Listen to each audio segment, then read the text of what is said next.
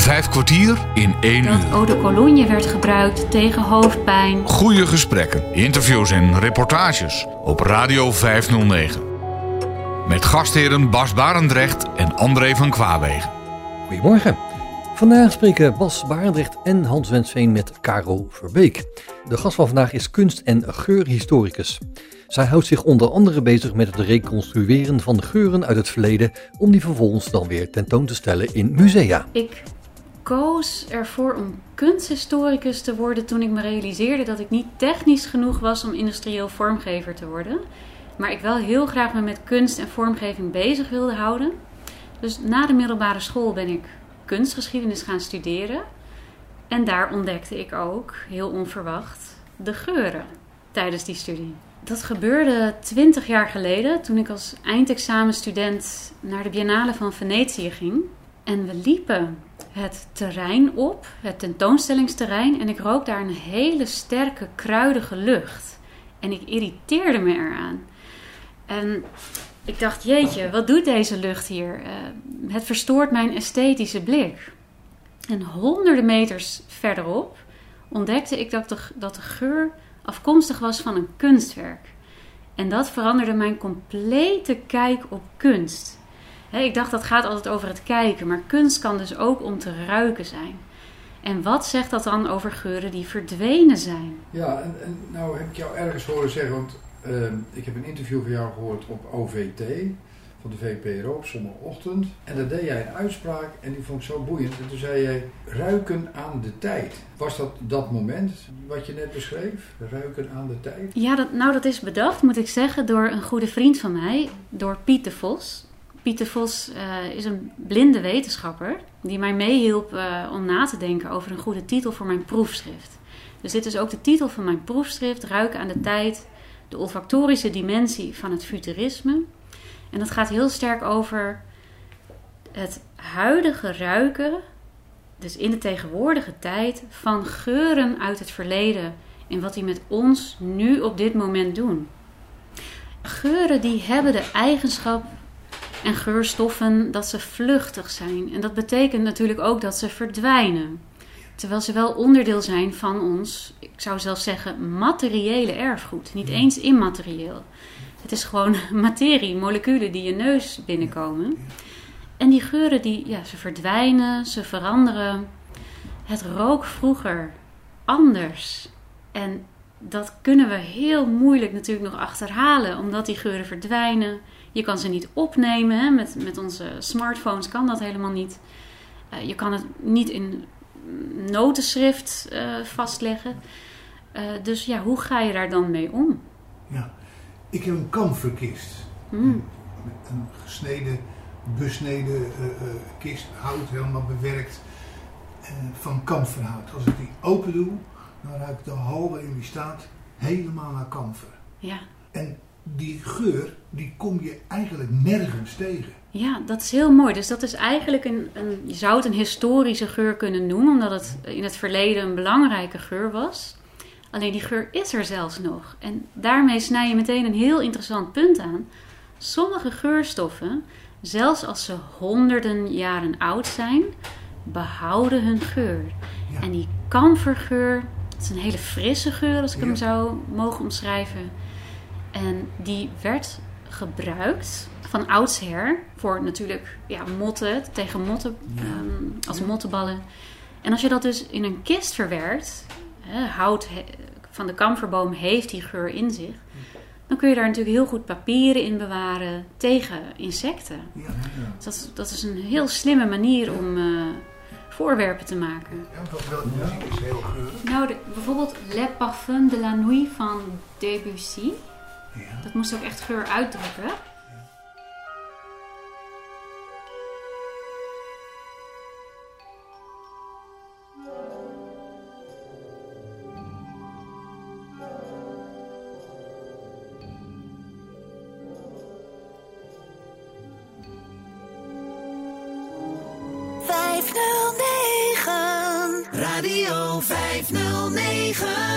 Ik ga even terug naar, eh, naar jouw eh, proefschrift.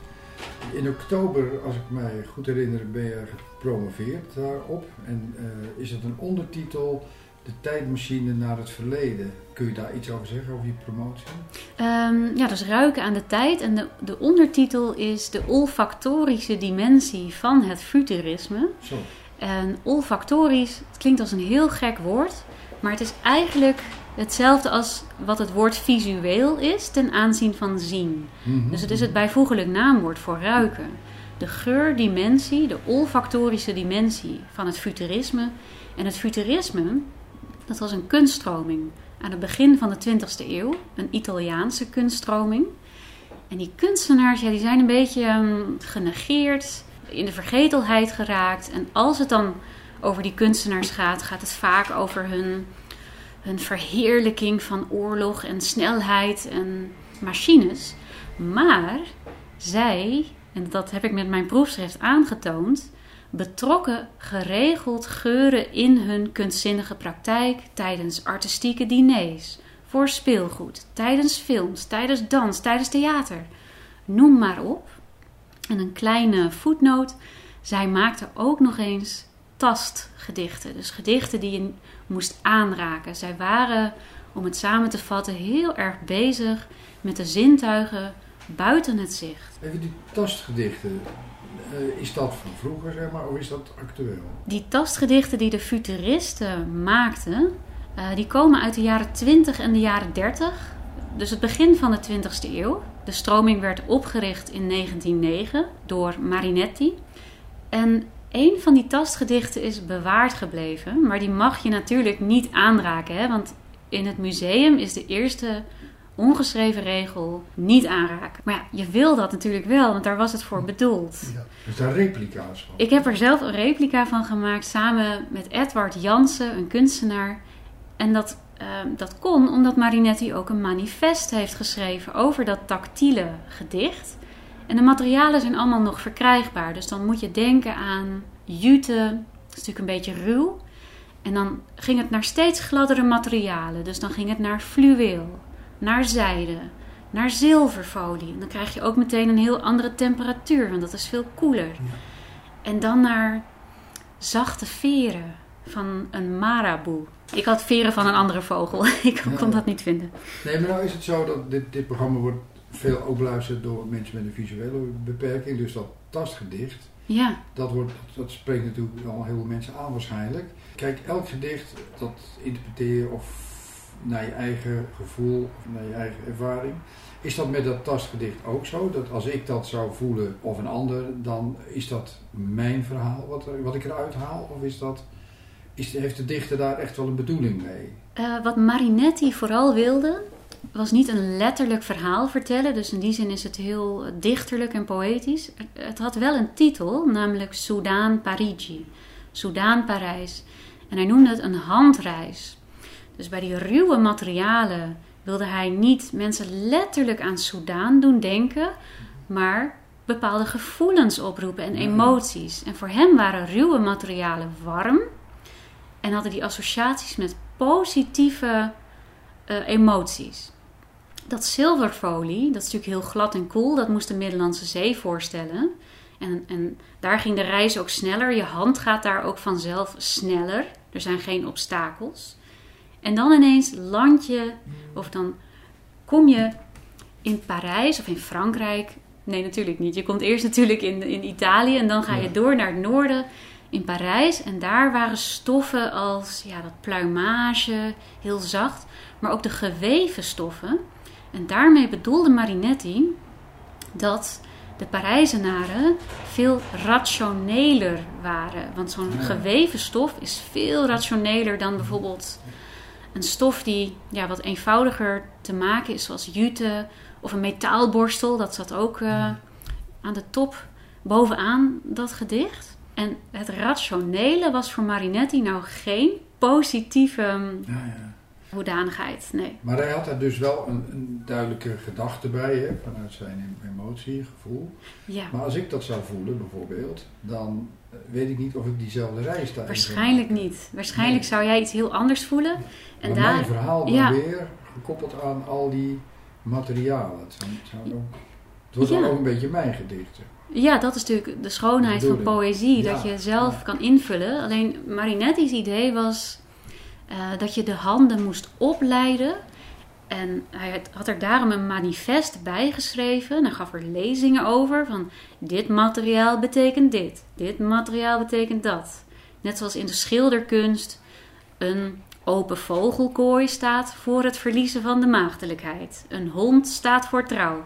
Dus hij maakt een soort nieuwe symboliek, maar dan via de tast. Maar hoort het bij die tast ook, eh, om op jouw vakgebied te komen, hoorden daar ook geuren bij? Of stond dat even los van? Die tast die ging Marinetti verkennen begin jaren 20, 1921. En geuren, daar schreef Marinetti al in zijn allereerste manifest over in 1909. Daarin staat namelijk, en daar lees je overheen als je er niet op let. Daarin staat: de reuk, de reuk alleen is voldoende voor ons beesten. Hij vergeleek zichzelf met dieren, omdat hij juist niet dat rationele, maar het intuïtieve omarmde. Eh, en de reuk hoorde volgens hem veel meer bij intuïtie dan de blik. De blik, dat was rationeel, dat was intellectueel, dat ging over denken. Terwijl het ruiken ging over snelheid, over snel beslissingen nemen. Intuïtie, erotiek, het dierlijke, het kinderlijke. Alles wat voor de futuristen positief was en voor de bovenlaag, de rijkere burgerij, de bourgeoisie, juist negatief. Dus zo kon hij een statement maken, juist door op die lagere zintuigen in te gaan. Zo worden ze binnen de filosofie genoemd. Reuk, smaak en tast zijn zogenaamd lagere zintuigen. Door die te omarmen kon hij de bourgeoisie choqueren.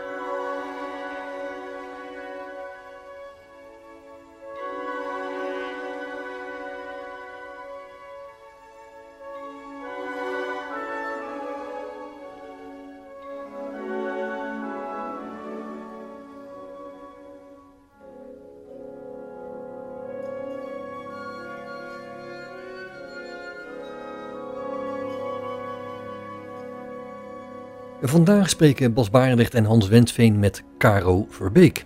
Ze laat je ruiken en horen wat geur allemaal met je doet. Heb je een idee waarom het zo is dat een geur heel lang in je geheugen blijft? Eigenlijk levenslang. Dat klopt. Ik heb namelijk Ja. in mijn kindertijd heel veel geuren om me heen gehad. Gewoon in de duinen van Oostvoorne, dus er waren allerlei geurtjes, maar er waren ook fruit en zo. En dat nam ik mee. Dat zat in mijn tas. En als ik die geur weer, als ik hier langs de, langs de winkel die hier beneden is loop, dan doet het me gelijk denken aan iets. Ja, En dat vind ik zo bijzonder dat een geur eigenlijk nooit uit je geheugen gaat. dat klopt helemaal. Ja, er is een hele mooie term voor zo'n soort herinnering. En dat heet een Proustiaanse herinnering. Genoemd naar de Franse auteur Marcel Proust. En hij schreef de reeks Op zoek naar de verloren tijd. En daarom omschrijft hij een scène waarin hij een madeleine, dus een cakeje, doopt in de lindenbloesemthee. En niets vermoedend neemt hij een hapje en ineens wordt hij teruggeworpen in de tijd en overweldigd door levendige herinneringen van zijn bezoeken aan zijn tante in Combray. Ja. En het verschil met een normale herinnering, noem ik het maar even, is dat je niet alleen denkt aan die tijd, nee, je voelt je ook zoals je je toen voelde. Ja, dat is ook zo. Ja. Dat maakt het zo bijzonder. ja. Maar daar zeg je eigenlijk mee dat geuren zijn bewust of onbewust zo van invloed op, op je functioneren, dat er tegenwoordig misschien toch wat onderschat wordt. Ik denk dat veel mensen het onderschatten, maar het mooie is, je hoeft het niet te, op waarde te schatten om het effect ervan te ervaren. Dus mensen die denken vaak, oh ik vind het hier prettig, want het ziet er hier mooi uit. Maar dat komt meestal toch echt door de geur. Of mensen denken ineens aan hun oma en weten niet waarom.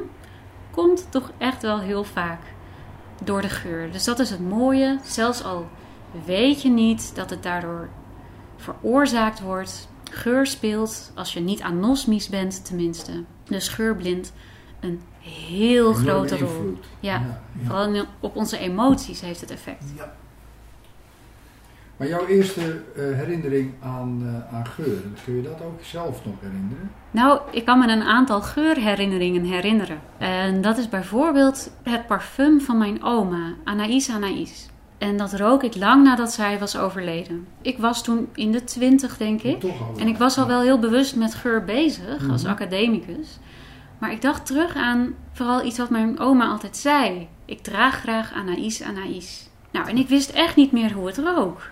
Dus ik ging dat kopen en ik deed dat op mijn eigen huid. En ik rook eraan en ik had zo'n Proustiaanse herinnering. Ik was totaal overweldigd. Ik dacht namelijk niet aan mijn oma. Ik zat naast mijn oma. En ik dacht tegelijk... "Oh, hoe kon ik deze geur vergeten zijn? Dit is op en top mijn oma. Je kunt dus die herinneringen door geur ook bewust oproepen. Dat kan ja. Dus je kan, hè, als je een talige sleutel hebt, eh, misschien heb je erover geschreven in je dagboek, of lees je erover in een boek, of hoor je erover op tv, dan kun je die geur natuurlijk misschien, hè, als je geluk hebt, ergens kopen of op een of andere manier verkrijgen. En dan eraan gaan ruiken. Dus wat er zo bijzonder is aan geur, is dat vaak niet een woord voor geur of een gedachte aan geur die herinnering oproept, maar de geur zelf. Dus de geur is de sleutel tot die herinnering.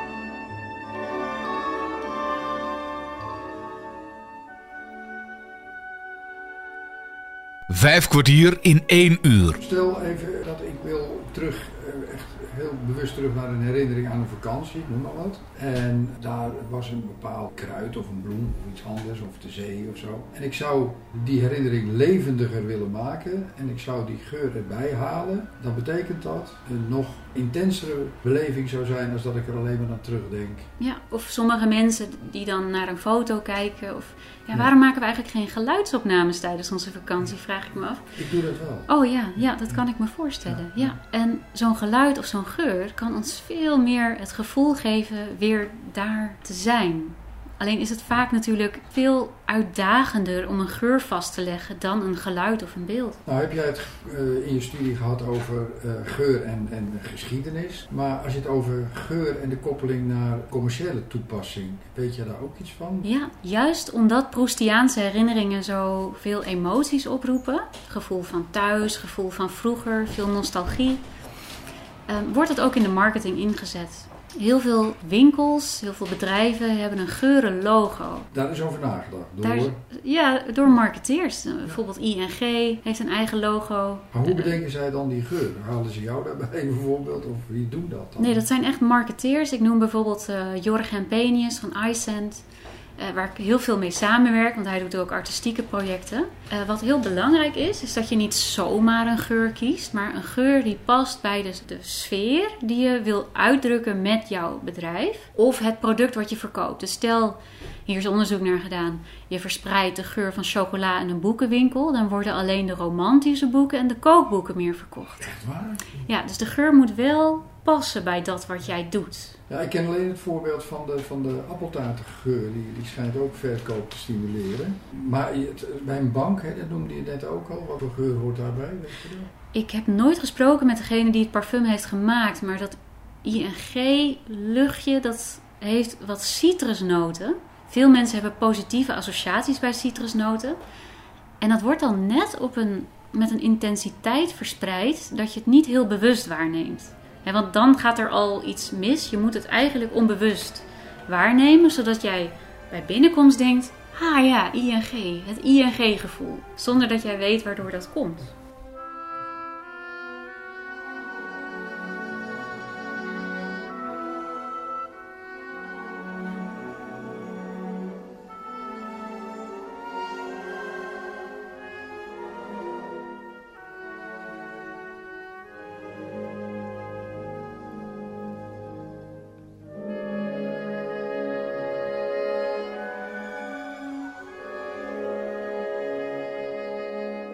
Nou, nou maken wij dit programma ook eh, voor, voor blinden en slechtzienden. Waarbij geur eh, natuurlijk ook een enorm belangrijke rol speelt. Bewuster misschien nog als bij de gemiddelde ziende mens. Ja. Het eh, functioneert ook als een oriëntatiemiddel. Informatie en oriëntatie. Bijvoorbeeld als je in een winkelstraat loopt, Bas noemde het net ook al. Zonder het te zien ruik je een groentewinkel. Dat is ook voor velen vaak een, een oriëntatiepunt. Ja. Eh, is daar ook onderzoek naar gedaan of zit dat ook in jouw onderzoek? Volgens mij is daar heel weinig onderzoek naar gedaan. En ik denk dat mensen onbewust wel navigeren met hun neus, maar niet zo bewust als mensen die niet op hun blik kunnen vertrouwen. Die, die vooral, ook als ze de weg uitleggen, zeggen: Nou, je moet rechts bij de kerktoren. En nooit van je moet rechts als je het brood ruikt. Precies. Ja, Ja. dat ja. Dat zal iemand niet zo snel zeggen, maar het zou wel een hele goede tip zijn eigenlijk. Ehm, maar eh, een stad in Nederland zijn er steden Ja. die anders ruiken. Delft ruikt anders dan Amsterdam. Ja, Waar ja. zou dat aan kunnen liggen? Dat ligt met name, ja, natuurlijk ook aan winkels en restaurants, maar toch met name aan industrie. Dus het schijnt in Delft heel erg naar gist te ruiken door een fabriek die daar staat. En in Amsterdam staan natuurlijk ook allemaal fabrieken en om Amsterdam heen. Dus naar gelang de windrichting verandert, ruik je ook andere geuren. De haven bijvoorbeeld. De haven of ehm, ja, soms ruikt het in Amsterdam ineens heel erg naar cacao. En dan weet ik dat de wind uit het westen komt. Bij Sloterdijk eh, zijn ook Oh, altijd zoveel Zaandam, geuren. ja. En Zaandam natuurlijk. Zaandam is denk ik wel de meest geurige plek in Nederland. Oh ja, vanwege Ja. de cacao. Ja, de cacao, verkade, maar ook eh, de Forbo-fabriek, linoleum, is ook zo heel kenmerkend. Ja. En wat dan heel leuk is, is dat nieuwkomers, die klagen heel veel over die geuren. Terwijl mensen die daar al jaren wonen, die geur vooral met thuis associëren. Dus, dus geurvoorkeur heeft ook met gewenning te maken. Zouden het in theorie mensen vervreemden als stel dat die lucht helemaal weg zou vallen? Hè, van, van de Forbo en van de, cacao. De mensen in Zaandam, zou dat voor hun een totaal andere eh, beleving zijn? dan? Ja, ik denk dat het heel verontrustend zou zijn. Ehm, hè, want de geur van thuis, dat is natuurlijk echt iets. Ja. Dat is waardoor je je thuis voelt. Niet alleen denkt, ha, ik ben weer thuis, want alles ziet er hetzelfde uit. Nee, van ja, het gevoel echt eh, om thuis te komen. En je weet ook meteen als er iets mis is, als je thuis komt en het ruikt anders, of als je het gas aan hebt laten staan. Ehm, nu ben ik even jouw vraag kwijt. Nou, dat als je stelt dat er een geur echt weg zou vallen, even Ja. in theorie.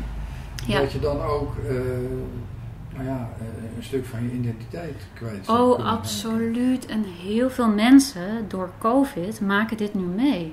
Dus in de praktijk maken heel veel mensen mee dat ze hun huis niet meer kunnen ruiken. Er zijn nu eh, ook significant veel klachten over geurkaarsen. Mensen die bellen de fabriek of het bedrijf, mijn geurkaars ruikt niet. En die blijken dan COVID te hebben. Dus ze hebben helemaal geen reuk meer en daar komen ze op die manier achter. En mensen worden depressief als ze niet meer kunnen ruiken, want de geur van je geliefde, de geur van je eten, de geur van de seizoenen, als je dat allemaal niet meer kan meemaken, dan is het, dat zeggen anosmische mensen vaak, alsof je onder een glazen stolp leeft en niet meer echt contact hebt met je omgeving. Hoe komt het toch dat eh, heel veel, eh, we hebben een aantal zintuigen natuurlijk, en aan het horen, het zien, het voelen, daar eh, ja, is in het algemeen meer over bekend, in het algemeen, dan over geur. Is dat een ondergeschikt eh, zintuig, dat we daar te Ja. weinig aandacht aan besteden? Nou, ik denk dat een grote boosdoener internet is. En ook al aan het begin van de 20e eeuw tv en radio en kranten. Dus onze huidige media, die bieden geen ruimte voor het overdragen van geuren. En wij denken nu onterecht met terugwerkende kracht dat geuren nooit belangrijk waren. Omdat ze dat in de 20e eeuw nou eenmaal niet, niet zo waren. Maar in de geschiedenis waren geuren veel belangrijker dan ze nu zijn. Ook in communicatie, massacommunicatie. Stel bijvoorbeeld er was een intocht van een keizer in de oudheid. Dan werd die intocht voorafgegaan door een geur. Kerkdiensten gingen gepaard met geuren. Natuurlijk niet Ja, alle, even dat, weet ik. terug naar die, die intocht, Ja. dat werd vooraf gegaan door, Ja. hoe, hoe stel ik me dat voor? In de oudheid werden geuren verspreid op een manier, was heel effectief. En die noemden de Romeinen perfumum, middels rook. Daar komt ons woord parfum ook vandaan. Dat betekent dat harsen, die ontzettend geurig zijn, van bomen, wierook, mirre, dat zijn harsen, Mhm, mhm. die kun je aansteken. Dan gaan ze roken, gaan ze smeulen en dan kun je enorme gebieden begeuren. Nou dachten de Romeinen ook nog dat de goden zich manifesteerden in geur en, en communiceerden in geur. En een keizer was de goddelijke representatie op aarde. Dus als er een keizer aankwam, ja, dan moest hij eerst vooraf gegaan worden door een goddelijke geur. Oké. Ja, en dan rook iedereen. Hé, hey, er gaat een God in ons midden. Er is een God aanwezig. En nog een keer die Proustiaanse herinnering. Mensen dachten niet alleen aan God. Mensen voelden Voelden. alsof een God aanwezig was. Ja, dat is enorm krachtig. Vijf kwartier in één uur. Vandaag spreken Bas Barendrecht en Hans Wensveen met Caro Verbeek. Een geur die afkomstig was van een kunstwerk in Italië veranderde haar complete kijk op kunst. Hierdoor stortte ze zich helemaal op het reconstrueren van geuren uit het verleden, die ze dan weer tentoonstelt in musea. Je hoort wat geur allemaal met je doet. Op Radio 509. Bij ons op school, ik heb op een instituut gezeten waar blinden en slechtzienden onderwijs genoten, Hm. eh, noemden sommige mensen mij de hond. Waarom? Omdat ik namelijk door mijn neus Hm. ergens op te leggen wist wat het was. Oh dus ja. er hing een, een jas of een broek of weet ik veel wat bij de sportleraar. En ja, die had iemand niet meegenomen. Ah. En dan zei ik, dan rook ik eraan. Denk ik, oh die is van die, die neem ik wel mee. Wat fantastisch. Wat een goed verhaal. Ja, dat is heel mooi. Ja, en, en iedere persoon heeft natuurlijk een unieke geur. Ja. Ja, en daar zijn we ons niet bewust van. Jij wel. Ik, heel erg. Jij bent je daar ik, heel leef- erg bewust ik ben van. Echt, ik, ik zeg, zo, in mijn leven zou ik, als mijn geuren wegvallen Ja, en als de muziek wegvalt, dan kun je me gewoon, dan is het einde oefening. ja dat is echt Muziek verbonden Is aan jou. echt, Ja, dat is niet te noemen hoeveel waarde die voor mij heeft. ja, En geuren dito. ja.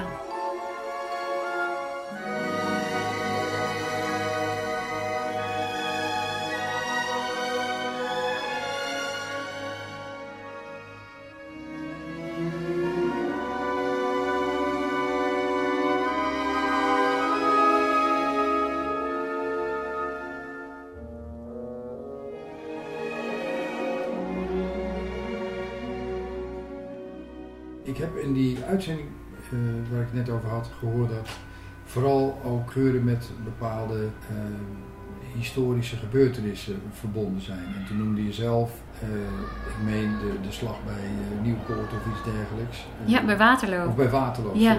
Hoe ben jij gekomen aan de geuren die daarbij hoorden? Ik kan paarden kan ik me voorstellen, ik kan modder kan ik me voorstellen, maar er zat er veel meer bij. Hoe, hoe Ja. heb je dat onderzocht? Je bent daar niet zo bij geweest. Nee, dat klopt. En ik heb dat ook zeker niet alleen gedaan. Ik heb dat samen gedaan met een neus. En die wil ik echt benoemen, want zij is geweldig. Birgit Seibrands. Mhm.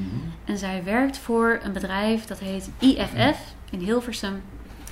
Eh, en ik heb samen met dat bedrijf en met Birgit aan die geur gewerkt. Ik heb eh, het historische onderzoek gedaan. En ja, daarvoor kan je in de boeken duiken.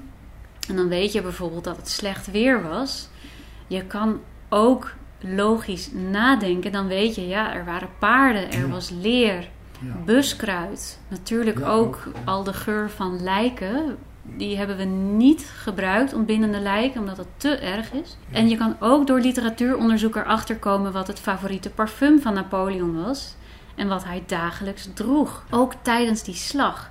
Dus dan heb je al heel veel elementen. En zo'n neus als Birgit, die weet dan precies hoe die moleculen heten die je nodig hebt. Ook angstzweet zit er overigens in.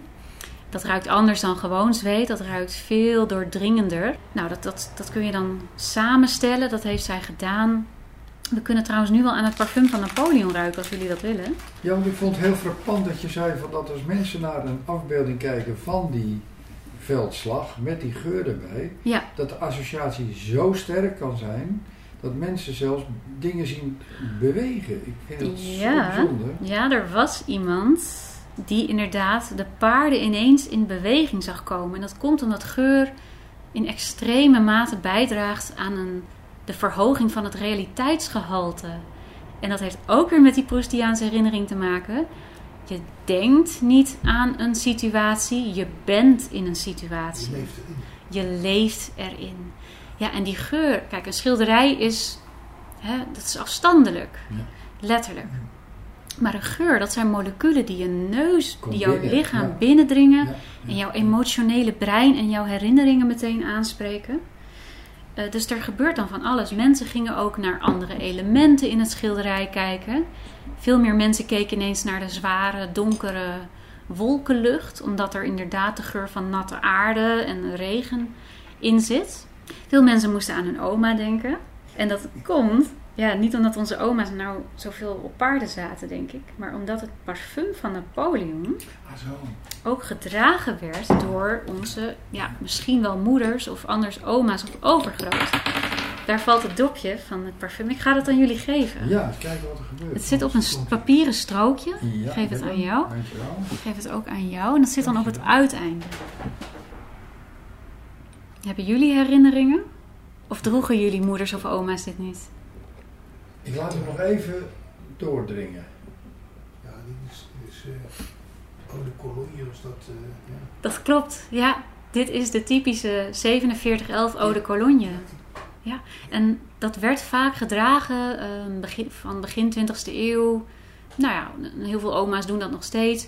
Werd op zakdoeken gedaan om even een moment van verfrissing te vinden. Nou, dat deed Napoleon ook, natuurlijk tijdens de oorlog, omdat een slagveld afschuwelijk stinkt. Dus hij had een fles in zijn laars. Alleen in zijn tijd heet het nog Aqua Mirabilis. Rook net iets anders. Maar had ook die verfrissende noten van eh, citrus, bergamot onder andere en rozemarijn. Heel veel alcohol, hè, waardoor het heel vluchtig wordt. Ja, hier word je wakker van. Hè? Ja, er wordt ja, ook ja. gezegd van pepermunt, dat de mensen eh, in de kerk een pepermuntje nemen om niet in slaap te vallen. Ja, ja. Ik denk dat het waar is. Ik denk ook dat het waar is. Vind ik heel mooi dat je dat zegt. Want er wordt vaak door historici gezegd, ja, maar ook al ruik je een geur uit het verleden, het informeert ons niet. Dat geloof ik niet. Want als jij nu Nee. zoiets zegt, het maakt wakker.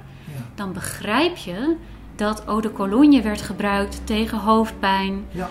eh, tegen flauwvallen. Ja. Ook vrouwen in barensnood overigens ja, kregen dit voorgeschreven. En dat het dus als medicijn werd gezien en niet als parfum. Ik ben, ja, er kwam heel veel langs. Heel veel herinneringen. En de, de enige die echt overbleef, althans die boven bleef drijven, dat is heel bijzonder. Dat is niet mijn oma, dat is mijn moeder. Ah. En als, mijn moeder had een tasje vroeger.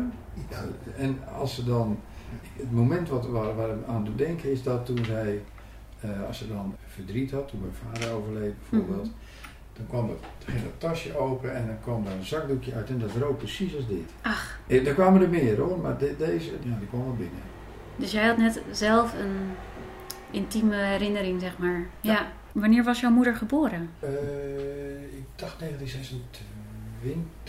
Ja, dus dat, dat klopt ook wel met het tijdsbeeld dat zij dat eh, gedragen zou hebben. Ja, Ja. En dit, en dit, de- deze herinnering dateert uit 1999, toen overleed Ja. mijn vader. Maar ja, het emotioneert ook wel. Ja, dat, dat doet het wel. Ja, Ja, dat kan ik me heel goed voorstellen. Ja. Wil je een zakdoekje? Nee, maar, nee want maar het is wel heel mooi. Het, het is jammer, en daarom doen we dit ook. Het, het, is, het is heel goed dat hier aandacht voor komt. Ja, het, Dat ja. dit een groot, dat het meer accent krijgt. Je kan hier zoveel mee doen. ja, het is jammer natuurlijk dat er geen geurenradio is. Maar je kan wel mensen natuurlijk stimuleren om misschien zelf... Je kan het zo- bestellen, hè? Eau de Cologne 4711. Ja, ja, En je bent in het verleden. halen, ja. Je kan het zo in de winkel halen. Ja.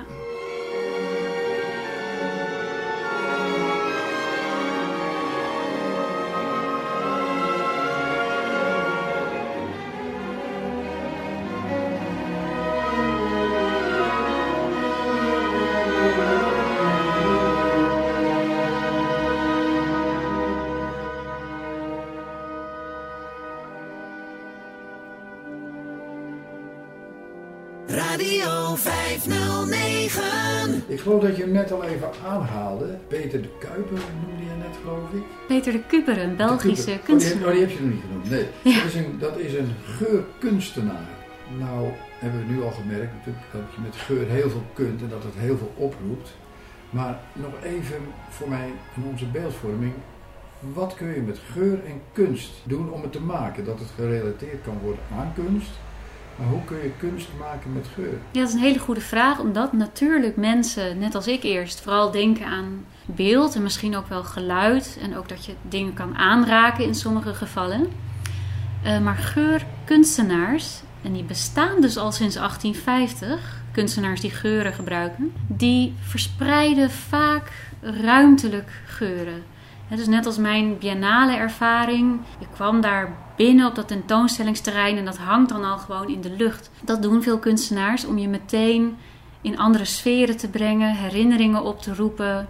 En dat kan ook tijdens bioscoopvoorstellingen. Dat gebeurt ook al, ook al 100 jaar. Ja, dus stel je komt op een tentoonstelling van Peter de Kuperen. Dan kan het zo zijn dat, er, dat je een ruimte binnenkomt en daar ruikt het enorm naar menthol of naar pepermunt. Mhm. En daar blijken alle muren ingesmeerd te zijn met tandpasta. In een soort van surrealistische badkamer. En wat hij daarover zegt is, ja, je, je, je voelt je meteen alsof je in een badkamer bent. Maar door die sterke menthollucht krijgen mensen ook tranen in hun ogen. En dan vindt hij het ook heel mooi, als een soort ironisch, een soort grapje, dat mensen blijkbaar zo geroerd zijn door zijn kunst dat ze meteen moeten huilen. Ja, dat is wel een kunstvorm met geur. Ja. Dat is zo'n badkamer wat je beschrijft. Ja. Dat is een vorm van kunst. Ja, en zelfs objecten die hij geurschilderijen noemt. Dat zijn schilderijen waarop niets is te zien. Dat is helemaal wit. Maar daar heeft hij wel geuren opgesprenkeld, opgespreid. En daar kun je dan aan gaan ruiken. En, en dan is dat bijvoorbeeld of een landschap of een portret of een specifiek persoon. Waar je dan niet naar kijkt, maar ja, waarvan je, je ruikt eraan. En dan krijg je associaties met uh, bepaalde mm, ja, gebeurtenissen of personen. Maar als ik alles zo hoor wat je zegt, dan is geur uh, zo verbonden met uh, wat er met je gebeurt. Wordt dat ook, laten we zeggen, in de psychologie ook toegepast? Ook bij therapieën en zo? Ik weet dat het wordt ingezet bij PTSS, posttraumatische stressstoornis. Mm -hmm. Want geuren die je rookt tijdens een traumatische ervaring, als je die dan opnieuw ruikt, die kunnen dan weer um, die afschuwelijke uh, ervaring naar boven doen komen. Ja. Uh, nou denk ik niet dat het door de reguliere, uh, door reguliere psychologen zo vaak wordt ingezet. Ik weet wel dat psychologen het onderzoeken. Hè, omdat het zo fascinerend is wat het met ons doet. Wat die kracht is van geur. Vooral als we het onbewust waarnemen. Dat is wat ik heb geleerd van een psycholoog als App Kusters. Uh, hij heeft al in de jaren 60, 70 geur binnen de psycho psychologie tot een serieus onderwerp gemaakt. En hij werd uitgelachen door zijn collega's. Hij hield vol. En hij is nu een van de beroemdste geurpsychologen die er zijn. Want ja, het heeft impact op ons koopgedrag. Ik maar zeggen.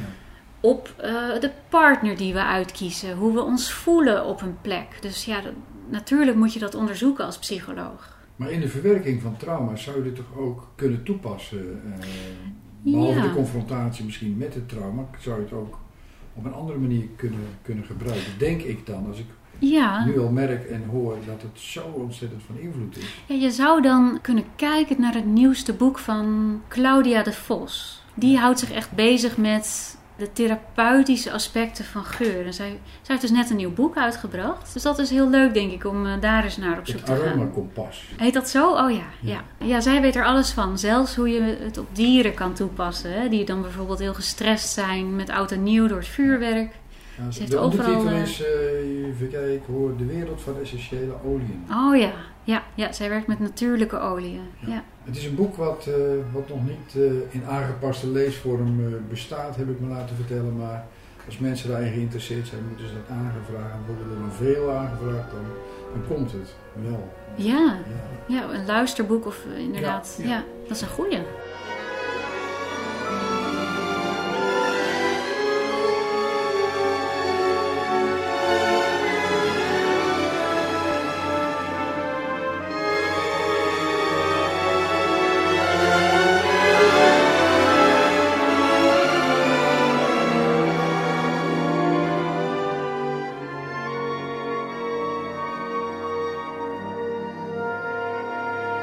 In vijf kwartier in een uur spreken Bas Barendrecht en Hans Wensveen met Caro Verbeek. Zij is kunst- en geurhistoricus. Uh, ik heb het nu heel druk met mijn onderzoek en met mijn uh, moederschap en uh, Ja. lezingen en interviews. Maar ik wil uiteindelijk een geurmuseum oprichten waar mensen, nou bijvoorbeeld kunnen zeggen: ik wil iets ruiken uit 1923. Of eh, ik wil het parfum van mijn oma weer ruiken. Of de slag bij Waterloo. En dat je dus ook via je neus de geschiedenis tot je kan nemen. En ja, dat museum, dat, dat wil ik over een jaar of vier gaan inrichten. Daar zoek je ruimte voor en mensen die je daarbij helpen natuurlijk. Ja, daar heb ik wel een ruimte inderdaad voor nodig. Ehm, want dat is het met geur. Je kan het niet digitaliseren. Nee. Je kan misschien nog wel een geurkit sturen. Maar het zou, zou mooi zijn post-COVID. Als er een plek is waar mensen echt heen kunnen gaan om te ruiken. En dan is het mooie natuurlijk dat het eigenlijk niet eens zozeer om die geuren gaat. Maar dat wat ze oproepen en de gesprekken die De het... verhalen. De verhalen, want die wil je ook vastleggen. Nou ja, bijvoorbeeld ik- wat, wat ik net vertelde, dat wat ik net rook en dat dat, dat zo terugbrengt aan, eh, aan herinnering aan, aan mijn moeder dan in dit geval. Ja, Dat is natuurlijk een prachtige beleving. Maar zo kun je dat natuurlijk met heel veel dingen doen die, eh, nou ja, die leven misschien wel een heel stuk eh, leuker maken op die momenten. dat denk ik de ook. beleving is Ja. wel intens. Het kan echt bijdragen aan welzijn. Omdat het zulke goede gesprekken oproept. Omdat het ons zo in contact brengt met ons verleden. De dialoog komt op gang. Dialoog, dierbare herinneringen. Ja. Zijn er ook geuren die, die liever niet ruikt, zou ik maar zeggen, waar jij ook slechte herinneringen aan? Oh, ja. Ja, dat is heel persoonlijk hoor. Maar een parfum wat ik ooit kreeg van ehm, iemand waarmee ik een relatie had wat, wat niet goed afliep. Eh, iemand waardoor ik ook gestalkt ben. Als ik die geur ruik, Oh ja. Ja, dat, dan vind ik dat beangstigend. Terwijl hij die geur niet op had. Maar ik associeer het met hem omdat ik die, dat parfum had gekregen. Er zijn ook geuren die ik gewoon heel onprettig vind. Zoals een geurstof als civet. Civet is een excretie van de civetkat. En dat ruikt op zichzelf ongelooflijk vulgair en sterk. Ja, ja, ja. ja. En daarom is het heel lekker in Chanel nummer 5. Hè, want dan zit het onder ja, een, een soort dak van bloemen. En een hart van houtnoten, houtige noten. En maar daaronder zit die hele vulgaire civet. Die, die dan toch nog een beetje beschaafd wordt door die andere geurstoffen. Ja, Maar wat grappig als jij een, een geur beschrijft, dan komt er ook een vorm bij. hè? Ja, geuren hebben ook zeker een vorm. Ik denk aan geuren in termen van kleuren, maar ook vooral textuur en vormen. En dat komt, het zijn net bouwwerken, het zijn net kathedralen. Geuren hebben namelijk, eh, parfums, topnoten. Dat zijn de geurstoffen die je als eerste ruikt, omdat dat de moleculen zijn die het meest vluchtig zijn. Dus die zitten ook echt boven. De hartnoten die zitten in het midden. Dat zijn de iets zwaardere moleculen. Die ruik je net iets later. En dan heb je de basisnoten. Dat is eigenlijk de fundering van een geur, net als van een gebouw. En die blijven uren, zo niet, honderden jaren. Want die heb ik zelf geroken. Dat zijn bijvoorbeeld de harsen.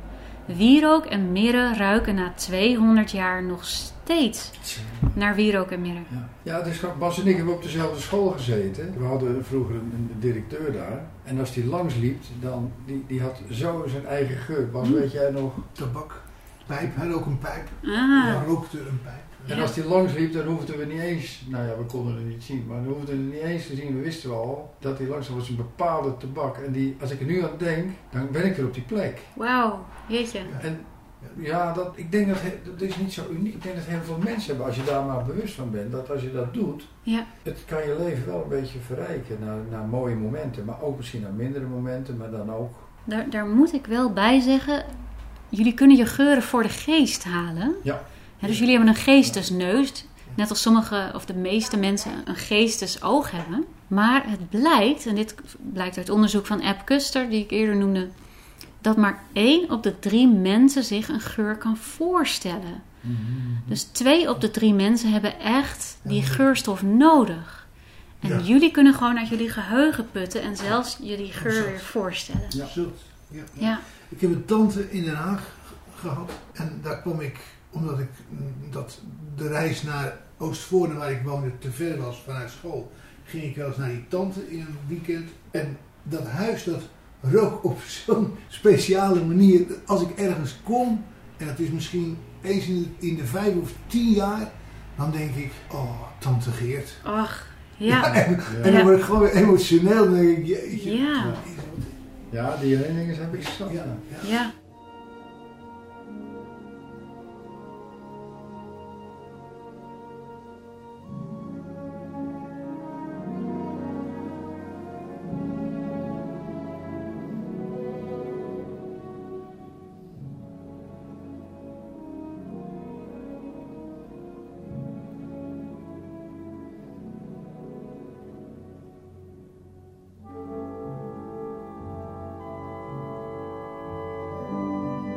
Vijf kwartier in één uur. Miasma-theorie. Een miasma betekent in feite stank, een wolk van stank. En de miasma-theorie die heeft honderden jaren is die geldig geweest. En dat betekent dat mensen dachten dat stank verantwoordelijk was voor de verspreiding van ziekte. En dat zie je nog terug in sommige namen van ziektes, zoals malaria. Dat betekent letterlijk slechte lucht, malaria. En dat is eigenlijk pas, heeft die theorie afgedaan op het moment dat Pasteur ontdekte dat niet stank, maar ziektekiemen verantwoordelijk waren voor de verspreiding van ziektes. Dus eind 19e eeuw. Maar wij hebben nog steeds wel dat geloof. En er zit natuurlijk ook heel veel in. Hè? Op plekken waar het stinkt, is gebrekkige hygiëne. Eh, is vaak ook iets aan de hand. Bijvoorbeeld een, een open riool of bijeengepakte mensenmassa's. Ja, daar verspreiden ziektes zich ook sneller. Ja. En dan dachten mensen, nou, als we de lucht nou maar lekker laten ruiken, als we het nou maar ontgeuren en herbegeuren, of met andere woorden, deodoriseren. Ja. Dat betekent letterlijk ontgeuren en dan weer reodoriseren. Lekker laten ruiken, zoals Napoleon deed met eau de cologne. Dan kun je niet ziek worden. Nou, en dat werkte ook. Hè, want als je dat gaat aanpakken, open riolen en meer ventilatie, ja, dan worden er ook minder mensen ziek. Dus zij zagen dat verband. Er was geen kausaal verband, maar wel, zoals je het zou kunnen noemen, een synchroon verband. Het werkte nou eenmaal om te ontgeuren, om ziektes in te perken. Is dat ook in de tijd dat de, ja, je had het ook over de pom, pommasters. Een pomander, ja. Pomander, ja. Ja. Zo, ja. Dat heeft daar ook iets mee te maken? Absoluut. Mensen droegen pomanders bij zich. Dat zijn metalen juwelen, vaak bolvormig, gevuld met geurstoffen. Dus als je een hoogwaardigheidsbekleder was, dit hadden dus alleen rijke mensen, zoals een advocaat of een rechter of een arts, dan nam je dat mee naar plekken waar het kon stinken en dus gevaarlijk was. Dan hield je dat voor je neus zodra het nodig was en dan was de lucht om jou heen tenminste gezond. En zo hadden ook pestdokters die snavelmaskers op. In die snavels zaten geurstoffen. Om diezelfde reden, om, om maar hè, gezonde lucht in te ademen. Nou wil het frappante of interessante feit dat de meeste geurstoffen uit planten en bomen komen, dus die harsen. En planten hebben die geurstoffen zelf om zich te beschermen tegen ziektes. Tegen insecten, tegen bacteriën, tegen schimmels. Dus die geurstoffen die zijn ontzettend antiseptisch. Dus die deden ook wel degelijk iets. Nou, is, nou, dan kom ik ineens op een idee. Dan moet je maar zeggen of dat een rare gedachte is. Er is op dit moment natuurlijk ook vanwege eh, de, de, de pandemie waar we met z'n allen in zitten, eh, is ontzettend veel eh, nou eenzaamheid. Eh, mensen moeten op een andere manier gaan leven. Heel veel problematiek. Denk je dat het mogelijk zou zijn dat als we daar iets voor zouden bedenken, hè, dus dat de, de oude pomander, zou maar zeggen, maar dan met een andere geur wellicht erin, dat het een positieve uitwerking zou hebben in, het, in de emotie, in het gevoel, in, in Ja. het je beter voelen, of het je op sommige momenten even prettiger voelen, of even Ja. loskomen van. Dat denk ik wel. Stel dat je bent gebonden aan huis, je komt niet meer in het bos, maar je ruikt het bos wel. Dan voel je je alsof je toch even buiten bent. Of stel dat jij de geur van een kleinkind of Ja, een partner waar je niet mee samen kan zijn, dat je dat nu even kon ruiken. Dus dan gebruik je die tegen ziektes. Maar ja, om je eigen gemoed te veranderen, dat zou natuurlijk schitterend zijn. Ja, ik vraag me af waarom dat dan nog niet gebeurt. Als het, Dat is een hele goede. Ja, we- ja we moeten een bosgeur ontwikkelen. Die Ja, bestaan of, ook wel. Of zoiets. Ja. Er zijn wel heel veel eh, gebruikte geuren in winkels te koop. Alleen dat is niet. Dan zit die gedachte niet niet, bij. niet echt. En die gedachten zitten er niet bij. Die geur is niet echt. En de gedachten zitten er niet bij. Ja. En, en je betaalt een vermogen voor het geurtje, 15 euro of zo, of 20, voor een heel klein potje. Want de geurbranders, die Ja. dragen een bijdrage om in zo'n stemming te geraken. Ja, maar de verbinding met wat Caro ook zegt, van bijvoorbeeld stel dat jij heel prettig eh, zou voelen in een bosomgeving, dan is het niet op die manier een keuze van ik wil terug naar die bosherinnering of ik wil terug naar die herinnering. Die Nee. keuze is er niet. Nee. Het zijn gewoon prettige geuren. Ja, nou, dat vind ik prettig, maar Ja. dat is het dan en dan stopt het ook. Nou, je zou dan kunnen kijken naar geurstoffen zoals dennen. Hè, Want de meeste mm, planten en bomen, daar bestaan eh, etherische oliën van. Dat ruikt net anders, maar doet er toch wel heel sterk aan denken. Ja. Eh, Dus dan zou je kunnen denken aan eh, etherische olie van dennen. Dan kun je je wel even in de duinen wanen. Ja, maar je kunt je door geur terugbrengen naar, bewust naar een herinnering. Ja, dat is ook wel, wel een kanttekening. Dat, dat omschrijft Proest ook. Dus hij, niets vermoedends, neemt hij een slokje van zijn thee. En dan wordt hij overweldigd. Nou, dan denkt hij, dit wil ik nog een keer. Wat gebeurt hier? Neemt hij nog een slokje. Heeft hij ook wel herinneringen, maar is het al iets minder? En dat is omdat hij er heel bewust zich dan mee bezighoudt.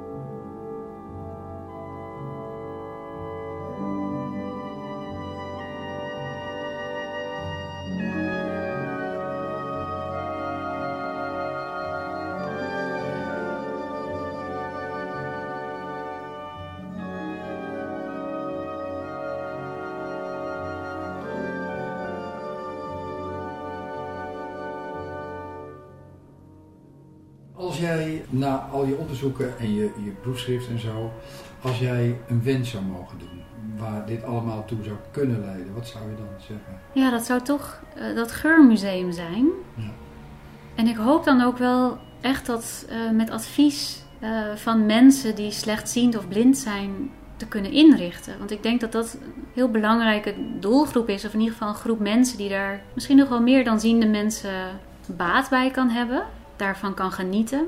Maar het is in die zin ook wel echt inclusief. Want ik denk dat het iedereen, hè, voor iedereen een enorm, ja, gewoon sterke emoties kan het oproepen, herinneringen. En dat er hele mooie dialogen kunnen ontstaan. Ja, dus dat, dat is mijn droom voor de toekomst. We nemen hem mee. Mooi. Dankjewel. Graag gedaan. Een geurige droom waarvan ik zeker weet dat die uit gaat komen. Je hoorde kunst- en geurhistoricus Caro Verbeek. Volgende week is het dan weer de laatste vijf kwartier in een uur van dit jaar. Bas Barendrecht en ik hebben dan als speciale gast Git Wilshuis. Maar dat is nog niet alles, want we plakken er dan nog een uurtje achteraan. Ruud van Zomeren heeft zijn tijdstip van zomertijd afgestaan. En tussen 12 en 1 hoor je dan het jaaroverzicht van vijf kwartier. Ik bedank je mede namens Bas Barendrecht en Hans Wensveen voor het luisteren. En heb je nou vragen of opmerkingen of zou je zelf je verhaal in de uitzending willen doen? Stuur dan een mailtje naar bas.radio509.nl Geniet van de rest van deze zondag, blijf luisteren naar Radio 509 en tot een volgende keer. Vijf kwartier in één uur is een programma van Bas Barendrecht. Techniek André van Kwaabegen.